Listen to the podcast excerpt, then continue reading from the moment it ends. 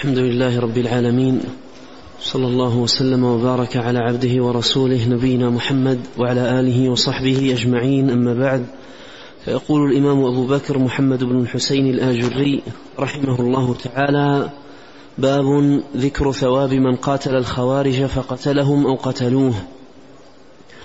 قال حدثنا موسى بن هارون أبو عمران قال حدثنا أبو بكر بن أبي شيبة قال حدثنا أبو بكر بن عياش عن عاصم عن زر عن عبد الله رضي الله عنه قال قال رسول الله صلى الله عليه وسلم يخرج في آخر الزمان قوم أحداث الأسنان سفهاء الأحلام يقولون من خير قول الناس يمرقون من الإسلام كما يمرق السهم من الرمية فمن لقيهم فليقتلهم فإن قتلهم أجر عند الله بسم الله الرحمن الرحيم.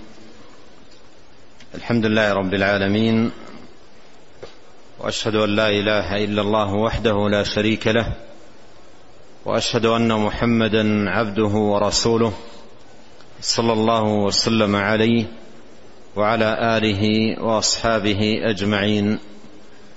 اللهم علمنا ما ينفعنا وانفعنا بما علمتنا وزدنا علما وأصلح لنا شأننا كله ولا تكلنا إلى أنفسنا طرفة عين. أما بعد قال المصنف الإمام الآجري رحمه الله تعالى ذكر ثواب من قاتل الخوارج فقتلهم أو قتلوه. هذه الترجمة صح فيها غير ما حديث عن رسول الله صلى الله عليه وسلم. وقد تقدم شيء منها. وأفرد رحمه الله تعالى هذه الترجمة لبيان عظيم الثواب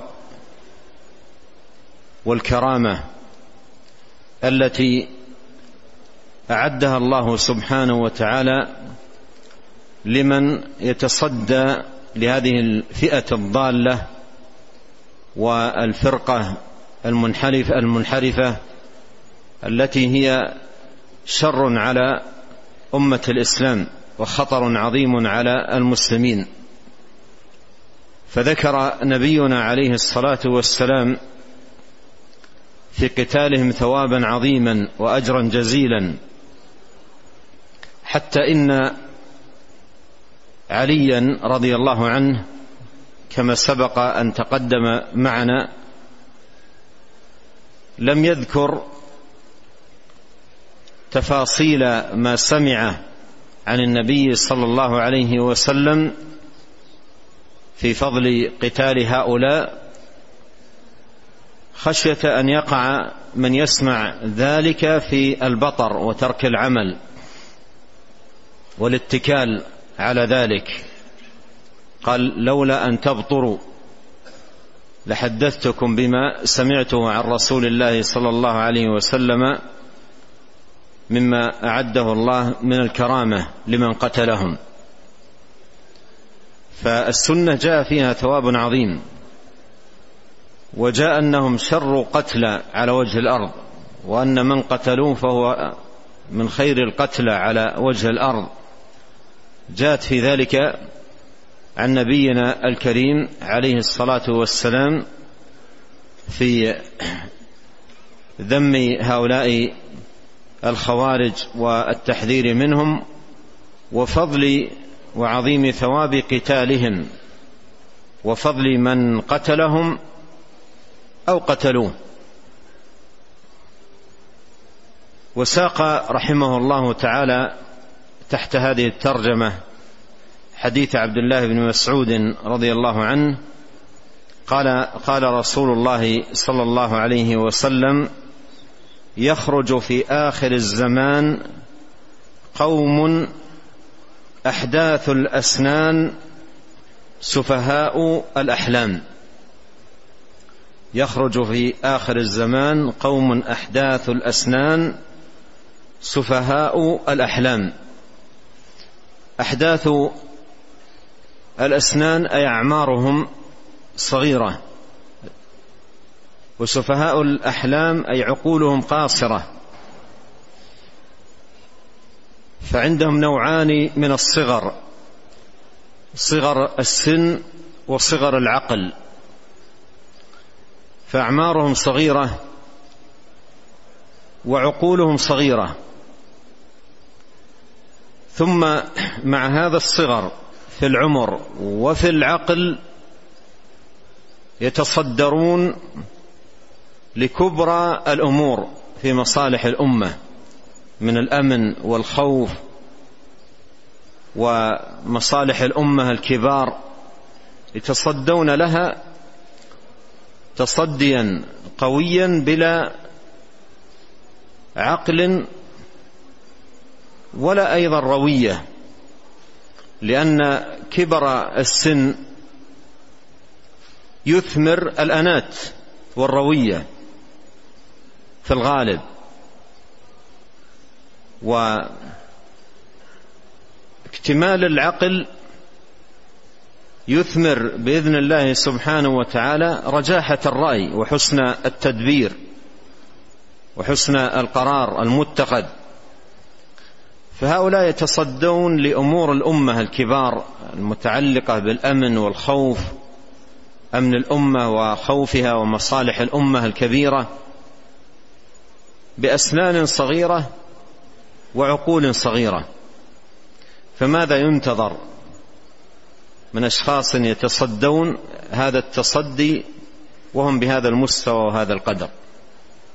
ولهذا يحصل على أيديهم من الشر والضرر على الأمة الشيء العظيم.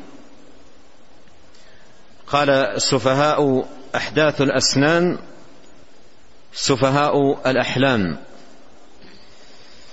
يقولون من خير قول الناس. يقولون من خير قول الناس. أي في ظاهر الأمر كما تقدم معنا من قولهم لا حكم إلا لله. علي رضي الله عنه وصف هذه الكلمة بأنها كلمة حق.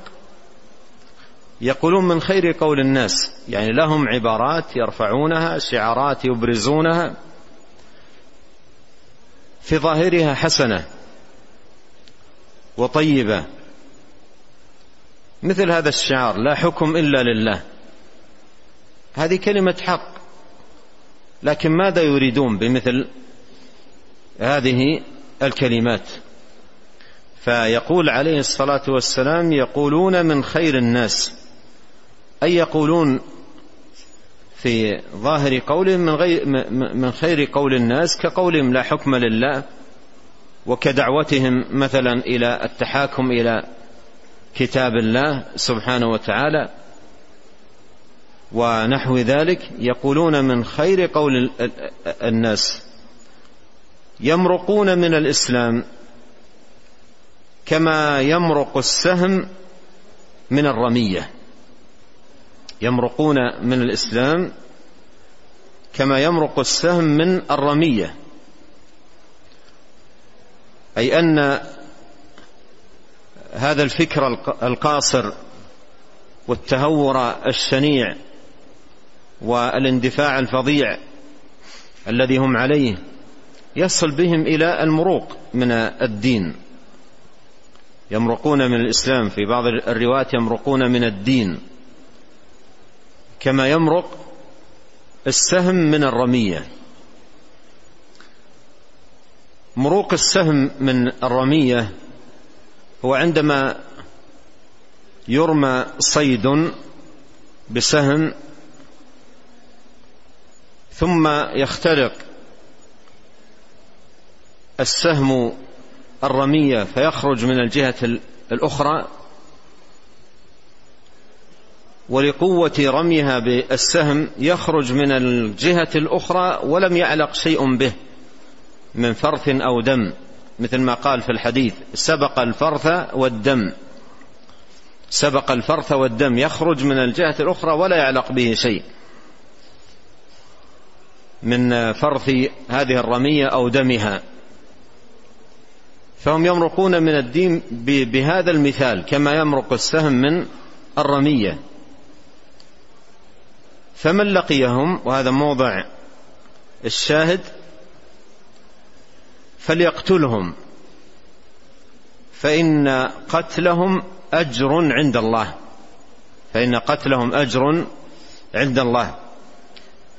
ونكر الأجر تفخيما لأمره وتعلية لشأنه. وأضاف الأجر بأنه عند الله أيضا بيانا لعظيم هذا الأجر وعظيم هذا الثواب الذي أعده الله سبحانه وتعالى لقتلهم. وقوله عليه الصلاة والسلام في هذا الحديث فمن لقيهم فليقتلهم. ليس هذا إذنا للأفراد بأن يفعل ذلك في من لقيه وهو يظن أنه على هذا الفكر أو يحمل هذا الفكر. ليس هذا إذنا للأفراد لأن مثل ذلك تكون به أمور الناس فوضى. وإنما مثل هذه الأمور لولاة الأمر لولاة أمر المسلمين ولا يقاتل إلا من وراء السلطان. ليس هذا مما يتولاه أفراد الناس. ولو تولى مثل هذه الأمور أفراد الناس صارت أمور الناس فوضى وكثر فيهم تعدي والقتل وإراقة الدماء وإنما القتال يكون من وراء السلطان. القتال يكون من وراء السلطان وبإذنه. قال فمن لقيهم فليقتلهم فإن قتلهم أجر عند الله. وقول فليقتلهم هذا فيه بيان وجوب قتل هؤلاء. وتخليص الأمة من شرهم وأن تخليص الأمة من شرهم خير عظيم للأمة. ولهذا مر معنا أن علي رضي الله عنه عندما أكرمه الله سبحانه وتعالى بتلك الكرامة العظيمة وهي قتل هؤلاء الخوارج وكان وكانوا عددا كبيرا فلم يبق منهم إلا قلة فروا والبقية قتلوا عن آخرهم في ساعة من نهار يوم النهروان فحمد الله على ذلك وفرح بذلك رضي الله عنه وسجد لله شكرا كما جاء في بعض الروايات.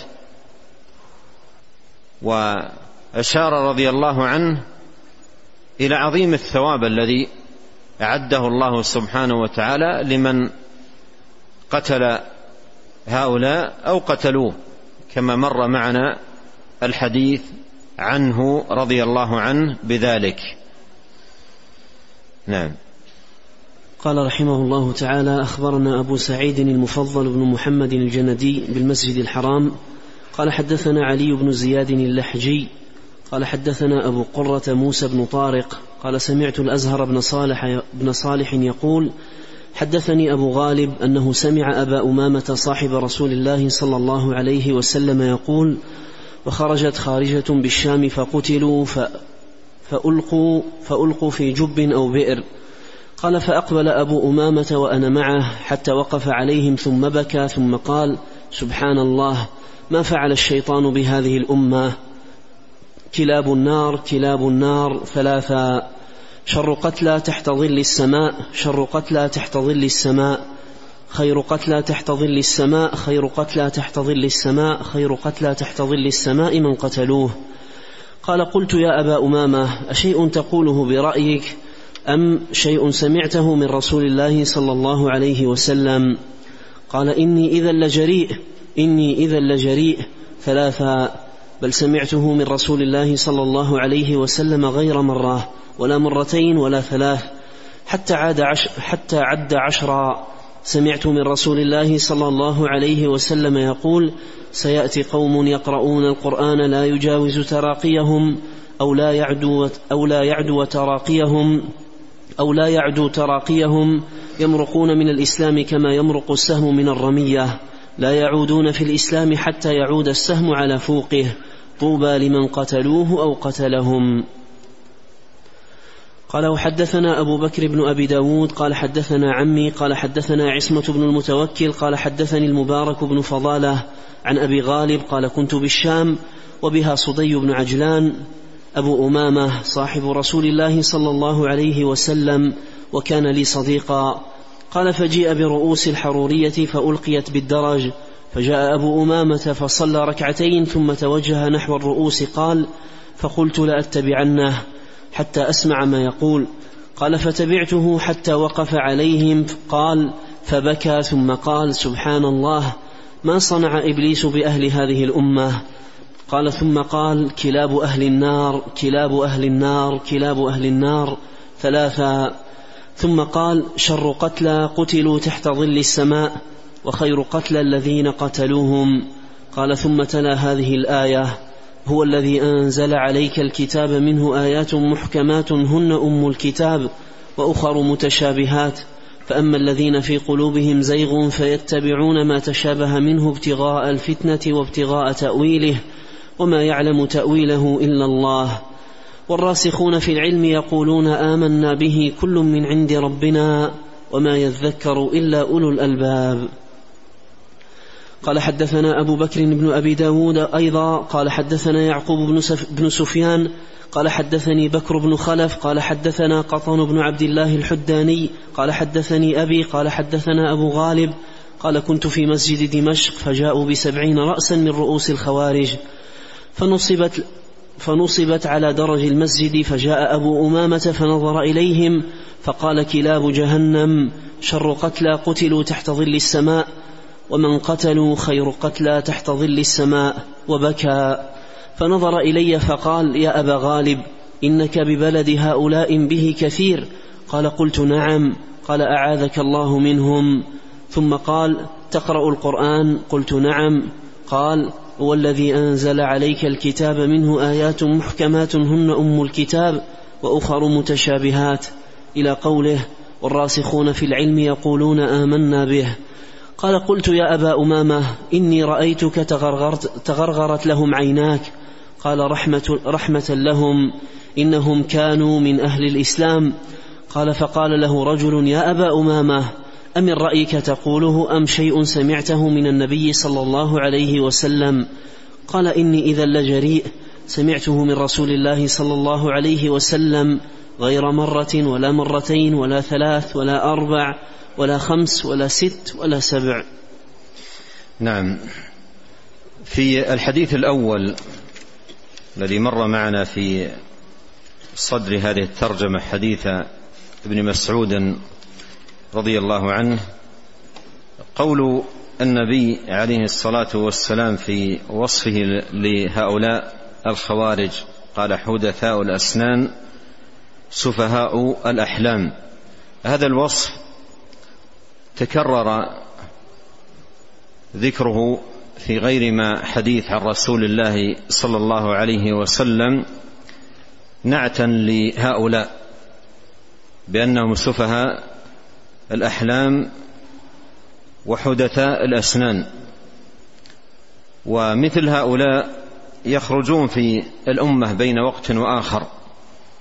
لكن لم يجعل الله سبحانه وتعالى لهم على مر التاريخ تمكينا وإنما شأنهم كما أخبر عليه الصلاة والسلام كلما ظهر منهم قرن قطع فلا يكون لهم ظهور لا يكون لهم ظهور وإنما تبتلى بهم الأمة بين وقت وآخر.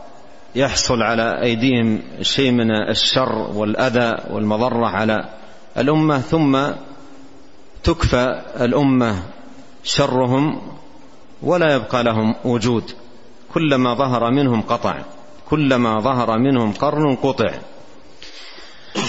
وفي هذا المعنى يقول وهب بن منبه رحمه الله تعالى كلاما جديرا بأن يتأمل. يقول فوالله ما كانت الخوارج جماعة إلا فرقها الله في شر حالاتها. والله ما كانت الخوارج جماعة إلا فرقها الله في شر أو على شر حالاتها. وما أظهر منهم وما أظهر أحد منهم راية قط إلا ضرب الله عنقه. وما أظهر الله وما أظهر أحد منهم راية قط إلا ضرب الله عنقه. وما اجتمعت الأمة على رجل قط من الخوارج. وما اجتمعت الأمة على رجل قط من الخوارج. ولو أمكن الله تأمل كلامه. ولو أمكن الله الخوارج من رأيهم فسدت الأرض. ولو أمكن الله الخوارج من رأيهم فسدت الأرض وقطع الحج إلى بيت الله وعاد أمر الإنسان جاهلية. وهذا كلام عظيم ودقيق في بيان حال هؤلاء.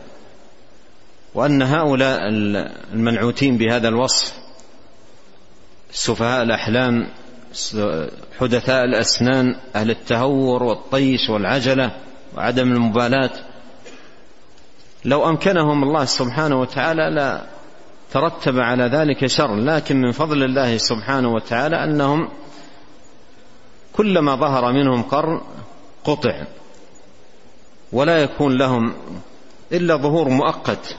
في زمن محدد ثم تخلص الأمة من شرهم بفضل الله سبحانه وتعالى. أورد الإمام الآجري رحمه الله تعالى حديث أبي أمامة الباهلي الصدي بن عجلان رضي الله عنه وأرضاه صاحب رسول الله صلى الله عليه وسلم. عندما خرجت الخوارج بالشام فقتلوا. عندما خرجت الخوارج في الشام فقتلوا. سبحان الله هذا هذه نهاياتهم. هذه نهاياتهم في كل خروج. يعني يصلون إلى هذه النتيجة. شعارات وتظاهرات ورايات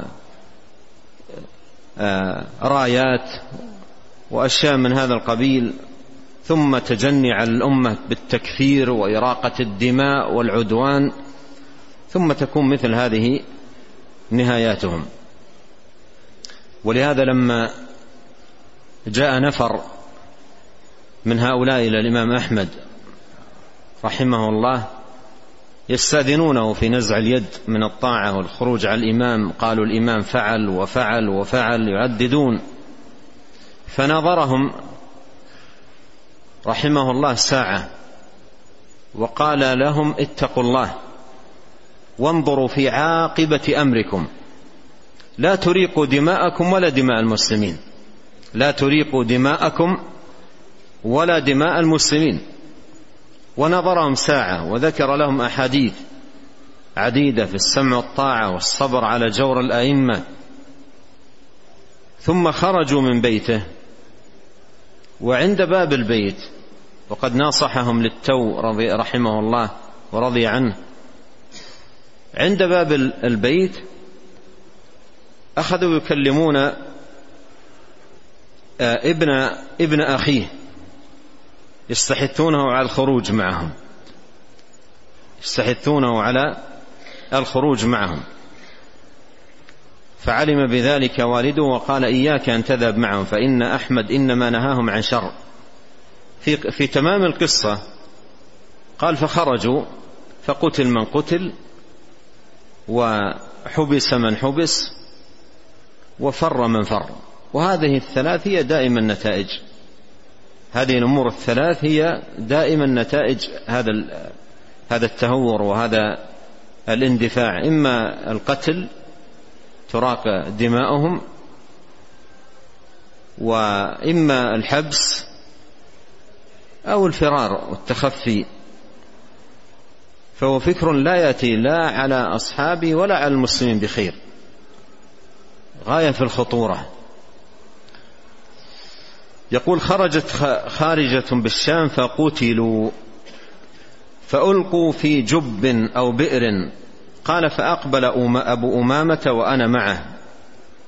أي أبو غالب صاحب أبي أمامة. حتى وقف عليهم ثم بكى. ثم قال سبحان الله. بكاء بكاؤه رحمه الله ورضي عنه.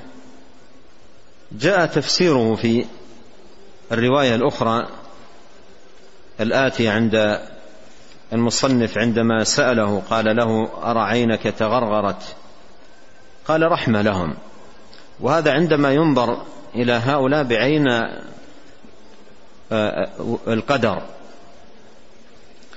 أما إذا نظر الإنسان لهم بعين الشر فإنه يحمد الله على خلاص الأمة من شر هؤلاء مثل ما حمد الله علي مثل ما حمد الله علي رضي الله عنه ولا ولا تنافي بين الأمرين لأن هذا باعتبار وهذا باعتبار. إذا نظر إليهم بعين القدر رحمهم. وإذا نظر لهم بعين الشرع حمد الله على خلاص الأمة من شرها وفكاكها من من بلاء هؤلاء. ثم قال سبحان الله ما فعل الشيطان بهذه الأمة. ما فعل الشيطان بهذه الأمة. يتأسف ويتحسر على مثل هذه الحال التي يصل إليها أفراد من الأمة أمة محمد عليه الصلاة والسلام. ما فعل الشيطان بهذه الأمة. وفيه أن أعمال الخوارج من ورائها أز الشيطان لهم. ودفعه لهم لأنهم تخلوا عن العلم والرجوع إلى العلماء وفي الوقت نفسه افتاتوا على ولاة الأمور فاستلمهم الشيطان وتولاهم بإضلاله. وتأمل هذا المعنى في الآية الكريمة قول الله سبحانه وتعالى وإذا جاءهم أمر من الأمن أو الخوف أذاعوا به ولو ردوه إلى الرسول وإلى أولي الأمر. الخوارج لا يردون إلى أولي الأمر وهم العلماء الأكابر. ولو ردوه إلى الرسول وإلى أولي الأمر منهم لعلمه الذين يستنبطونه منهم. ولولا فضل الله عليكم ورحمته لاتبعتم الشيطان إلا قليلا. فلما افتاتوا على الولاة ولاة الأمور ولم يعولوا على كلام أهل العلم الأكابر استلمهم الشيطان وأزهم إلى مثل هذه الشرور أزا ودفعهم إليها دفعا. ولهذا قال هذا الصحابي الجليل سبحان الله ما فعل الشيطان بهذه الأمة. وتقدم معنا في ذكر رأس هؤلاء الأول وما ورد في الحديث حيث قال النبي عليه الصلاة والسلام إن به أكملوا إن به ها لسفعة من الشيطان. إن به لسفعة من الشيطان. فهؤلاء بهم سفعة من الشيطان والسفعة من الشيطان كلا لنسفعا بالناصية. السفعة هي الأخذ بالناصية يعني أخذ بنواصيهم. الشيطان يذهب بهم هنا وهناك ويوجههم إلى حيث يريد من إراقة دماء للأمة وتعد على الحرمات والمحترمات تعد وجور وظلم وبغي وغير ذلك من الأعمال التي هي مراد للشيطان قال ما فعل الشيطان بهذه الأمة؟ كلاب النار كلاب النار ثلاثا. يقول رضي الله عنه كلاب النار كلاب النار كلاب النار ثلاثا يكررها ثلاث مرات. وذكر كما يأتي معنا أن هذا لم يقله من نفسه وإنما سمعه من النبي الكريم صلوات الله وسلامه عليه. قال بل سمعته من رسول الله صلى الله عليه وسلم غير مرة. وسيأتي في تمام الترجمة من حديث ابن أبي أوفى أن النبي صلى الله عليه وسلم قال الخوارج كلاب النار. وعندما تتأمل في هذا الوصف للخوارج كلاب النار وهذه عقوبتهم يوم القيامة عقوبتهم يوم القيامة هذه العقوبة التي التي هي بهذا الوصف كلاب النار ويرددها ثلاثا لها ارتباط بالعمل الذي صنعوه في الدنيا. لها ارتباط بالعمل الذي صنعوه في الدنيا. وذلك أن المؤمن المؤمن من شأنه أنه يرحم ويستر ويدعو وينصح ويحب الخير يتعامل بمثل هذه القواعد الشرعية العظيمة الرحمة والنصح ومحبة الخير والدعوة إلى الخير وغير ذلك من المعاني. بينما الخوارج يتعاملون مع الناس معاملة أخرى. يتعاملون مع الناس معاملة قائمة على القنوط والتقنيط قائمة على القسوة والشدة. قائمة على البطش وإراقة الدماء قائمة على الهجوم والشراسة قائمة على مثل هذه الأعمال وهي من أفعال الكلاب ومن أخلاق الكلاب شراسة وعدوان وتربص ومكر وكيد وإراقة للدماء. فلما كلبوا أو كلبوا على عباد الله وكانوا بهذا العدوان على عباد الله عاقبهم الله سبحانه وتعالى يوم القيامة من جنس عملهم بأن جعلهم كلاب النار. قال شر قتلى تحت ظل السماء. شر قتلى تحت ظل السماء خير قتلى تحت ظل السماء خير قتلى تحت ظل السماء خير قتلى تحت ظل السماء من قتلوه. والتكرار للتأكيد.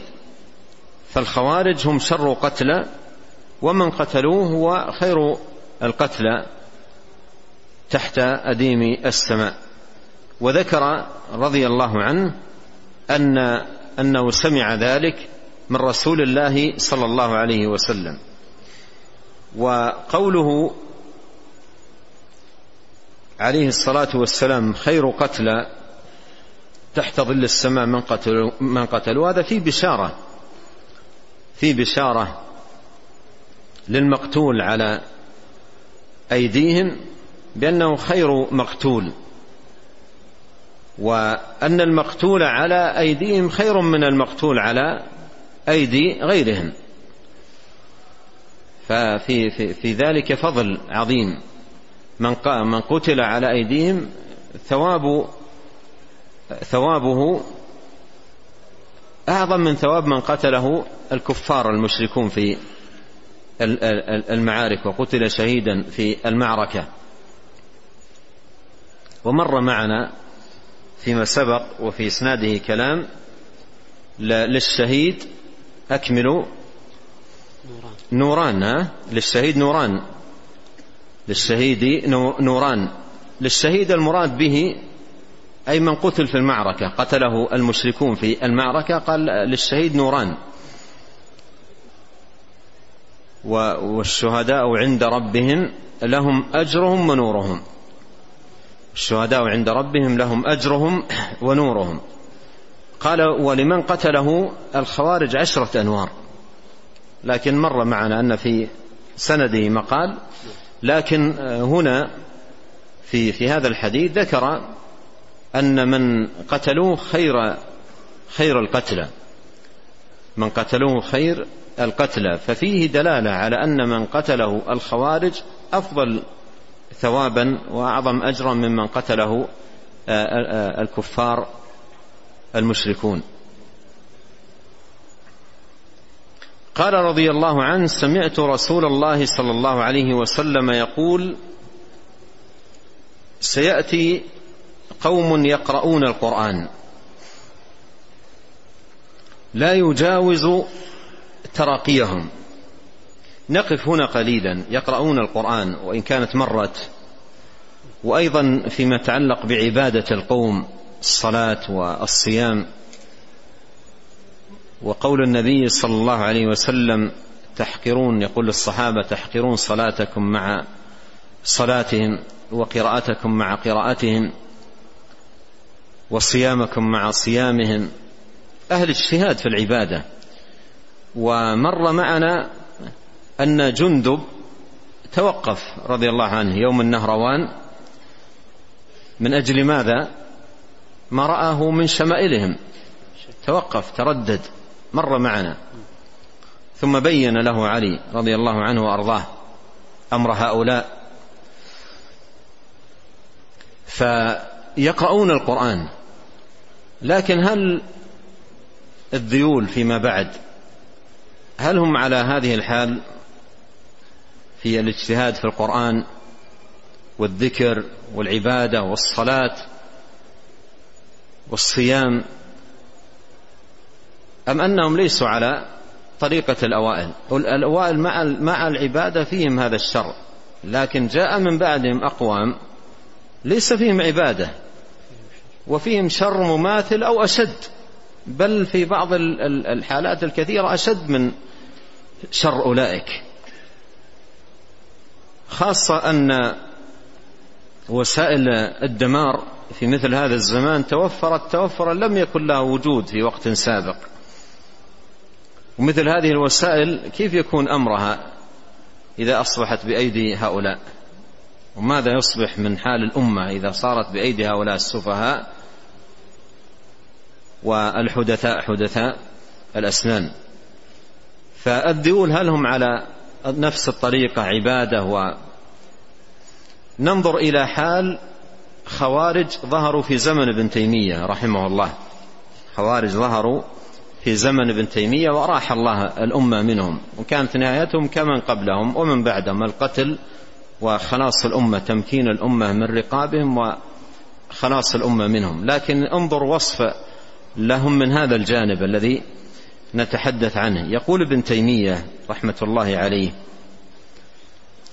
متحدثا عن طائفة من الخوارج الذين أمكن, أمكن الله السلطان منهم في زمان ابن تيمية وأراح الله الأمة منهم وقضي عليهم. يقول وهؤلاء القوم كانوا أقل صلاة وصياما. وهؤلاء القوم كانوا أقل صلاة وصياما أي من الأول. ولم نجد في جبلهم ولم نجد في جبلهم مصحفا ولا قارئا. هم كانوا في الجبل ومن الجبل ينزلون ويغيرون على آه، الناس. وحصل منهم شر عظيم جدا. حتى أمكن الله السلطان منهم. فيقول ابن تيمية ما كانوا كانوا أقل صلاة وصياما ولم نجد في جبلهم مصحفا ولا قارئا للقرآن. وإنما عندهم عقائدهم التي خالفوا فيها الكتاب والسنة وأباحوا بها دماء المسلمين. هذا في زمانه ولا يأتي على الناس زمان إلا والذي بعده شر منه. فالحاصل أن هؤلاء هؤلاء شرهم عظيم على الأمة. وإذا كان أولئك مع ما كان عندهم من قرآن وعبادة وصيام وقيام ليل وتهجد وغير ذلك حصل منهم هذا الشر. فكيف بمن لا عبادة عنده ولا قراءة للقرآن؟ كيف يكون الأمر إذا تصدر لقضايا الأمة آه، الكبيرة مما يمس أمن الأمة وخوفها؟ قال سيأتي قوم يقرؤون القرآن لا يجاوز تراقيهم أو لا يعدو تراقيهم يمرقون من الإسلام كما يمرق السهم من الرمية. لا يعودون في الإسلام حتى يعود السهم على فوقه. فوق السهم هو موضع الوتر. فوق السهم هو موضع الوتر. من المعلوم أن السهم إذا رمي بالوتر وشد الوتر ورمي السهم لا يرتد السهم إلى إلى فوقه لا يرتد إلى. هذا من الأمور المحال الأمور التي هي من المحال. عندما يرمي ويطلق السهم إذا ذهب السهم لا يرتد إلى فوقه لا يرجع إلى فوقه. فعلق ذلك بأمر محال. إشارة إلى ماذا؟ إشارة إلى شدة استمساك هؤلاء بعقائدهم وتصلبهم في في آرائهم فيستمسكون بها ويبقون عليها إلى أن تراق دماؤهم ويتخلص منهم وهم على هذا الشر والعياذ بالله. وهم على هذا الشر لا يزالون يعني على ذلك. إلى أن أن تراق دماؤهم وتتخلص الأمة منهم وهم على هذا الشر. وهم في أنفسهم في تلك الممارسات التي يقومون بها يرون أنهم خير الناس. وهذا مما كان من الداء والبلاء في هؤلاء. يرون أنهم خير الناس وأن عملهم خير العمل وأفضل العمل. قال طوبى لمن قتلوه أو قتلهم. طوبى لمن قتلوه أو قتلهم. وهذا فيه كما تقدم أن من قتلوه فهو خير القتلى ومن قتلهم ثوابه عند الله سبحانه وتعالى عظيم. ومر معنا سابقا قول علي لولا أن تبطروا لحدثتكم بما سمعته من رسول الله صلى الله عليه وسلم مما جعله الله لمن قتلهم من الكرامة. وأورد الحديث نفسه من طريق أخرى وبمعنى ما تقدم. وفي هذه الرواية تلا قول الله سبحانه وتعالى هو الذي أنزل عليك الكتاب منه آيات محكمات هن أم الكتاب وأخر متشابهات. فأما الذين في قلوبهم زيغ فيتبعون ما تشابه منه ابتغاء الفتنة وابتغاء تأويله. تلاوة أبو أمامة رضي الله عنه للآية في هذا الموطن وهو يرى رؤوس هؤلاء الخوارج نصبت على الدرج. نصبت على الدرج عبرة للناس يعني نصبت من أجل العبرة والارتداع.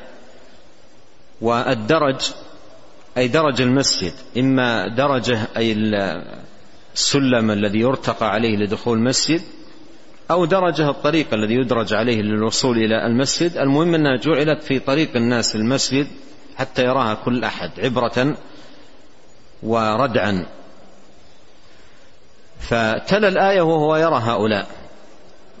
وأما الذين في قلوبهم زيغ فيتبعون ما تشابه. فأما الذين في قلوبهم زيغ فيتبعون ما تشابه منه ابتغاء الفتنة وابتغاء تأويله. وأن هؤلاء أصحاب هذه الرؤوس أهل زيغ.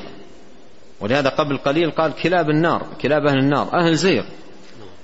والزيغ الذي هم فيه كانوا يأتون إلى المتشابه من القرآن وينزلونه على ما يهوون وعلى ما يعتقدون.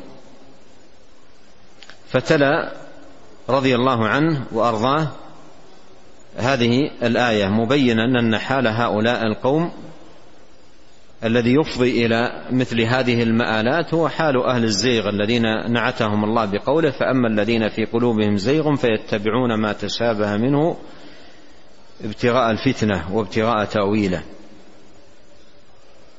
كذلك الرواية التي بعدها هي بهذا المعنى وفيها أنه سمع ذلك من النبي عليه الصلاة والسلام غير مرة. قال ولا مرتين ولا ثلاث ولا أربع ولا خمس ولا ست ولا سبع.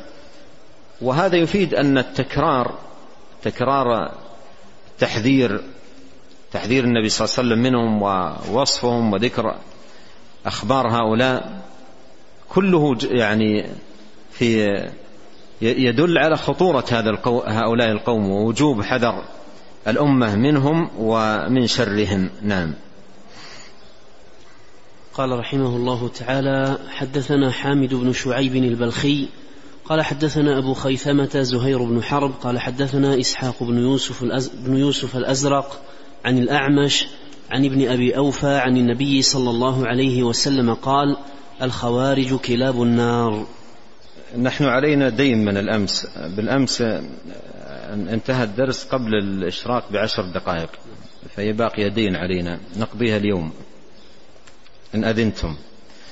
أورد رحمه الله تعالى هذا الحديث حديث ابن أبي أوفى رضي الله عنه أن النبي صلى الله عليه وسلم قال الخوارج كلاب النار الخوارج كلاب النار. هذا الوصف حقيقة وصف. عندما يتأملها المتأمل يورث خوفا من هذا الفكر وحذرا شديدا منه. أن أن هذه الأعمال التي يقوم بها نهايتها هذا المآل. في الدنيا قتل ويكونون شر القتلى ويوم القيامة كلاب أهل النار. روى روى ابن أبي شي ابن أبي شيبة في المصنف عن سعيد بن جمهان قالت قال كانت الخوارج تدعوني. كانت الخوارج تدعوني. وهم دائما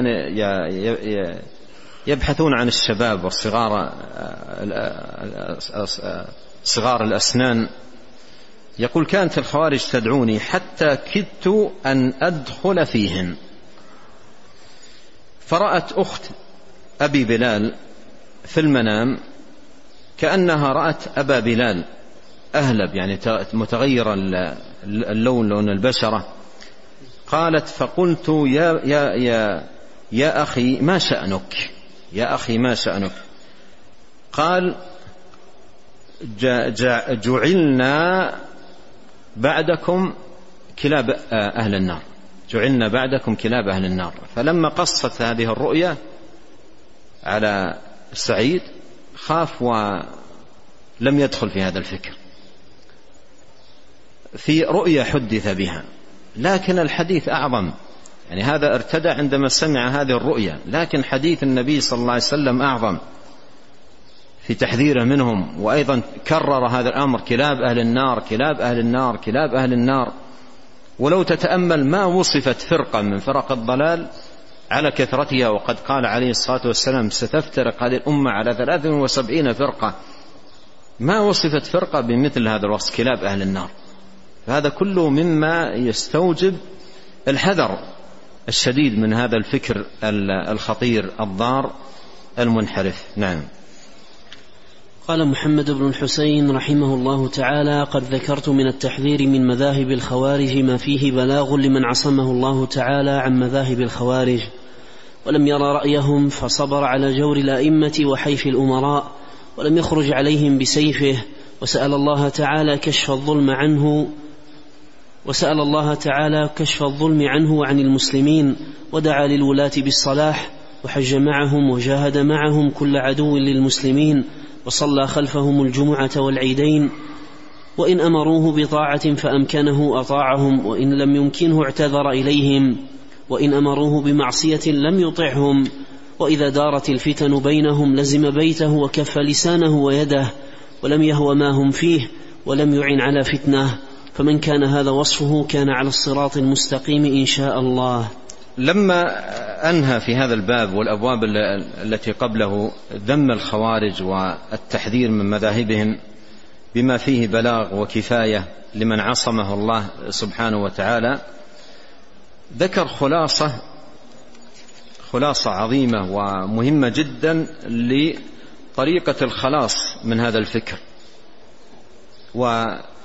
والآجري رحمه الله في مصنفاته سواء هذا أو مصنفاته الأخرى مبدع في التبويب والترتيب وربط الأبواب بعضها ببعض. فلما أنهى التحذير من فكر الخوارج ذكر خلاصة بديعة جدا ومفيدة للغاية في التخلص من شر هؤلاء. قال رحمه الله في في ذلك عصمة لمن لمن عصمه الله عن مذهب الخوارج ولم ولم يرى رأيهم. ماذا يصنع ليسلم؟ قال فالصبر على جور الأئمة وحيف الأمراء ولم يخرج عليهم بسيفة وسأل الله كشف الظلم عنه وعن المسلمين ودعا للولاة بالصلاح وحج معهم وجاهد معهم كل عدو للمسلمين وصلى خلفهم الجمعة والعيدين وإذا أمروه بطاعة فأمكنه أطاعهم وإن لم يمكنه اعتذر إليهم وإن أمروه بمعصية لم يطعهم وإذا دارت الفتنة بينهم لزم بيته وكف لسانه ويده ولم يهوى ما هم فيه ولم يعن على فتنة. فمن كان هذا وصفه كان على صراط مستقيم. هذه الخلاصة العظيمة التي بها النجاة من هذا الفكر يفصلها في الأبواب الآتية. يفصلها في الأبواب الآتية بدءا من قوله باب في السمع والطاعة لمن ولي أمر المسلمين والصبر عليهم وإن جاروا وترك الخروج عليهم ما أقاموا الصلاة ثم ساق من النصوص والأدلة ما تنشرح به الصدور وتتيسر به الأمور وتتحقق به الخيرية للأمة أمة الإسلام. ونسأل الله العظيم رب العرش العظيم بأسماء الحسنى وصفاته العليا أن يهدي أمة الإسلام أمة محمد عليه الصلاة والسلام إلى الحق والهدى وأن يجنبهم الضلال والردى وأن يعيد المسلمين أينما كانوا من الفتن ما ظهر منها وما بطن. وأن يهدينا أجمعين إليه صراطا مستقيما وأن يصلح لنا شأننا كله والا يكلنا إلى أنفسنا طرفة عين. سبحانك اللهم وبحمدك أشهد أن لا إله إلا أنت أستغفرك وأتوب إليك. اللهم صل وسلم على عبدك ورسولك نبينا محمد وآله وصحبه. جزاكم الله خيرا.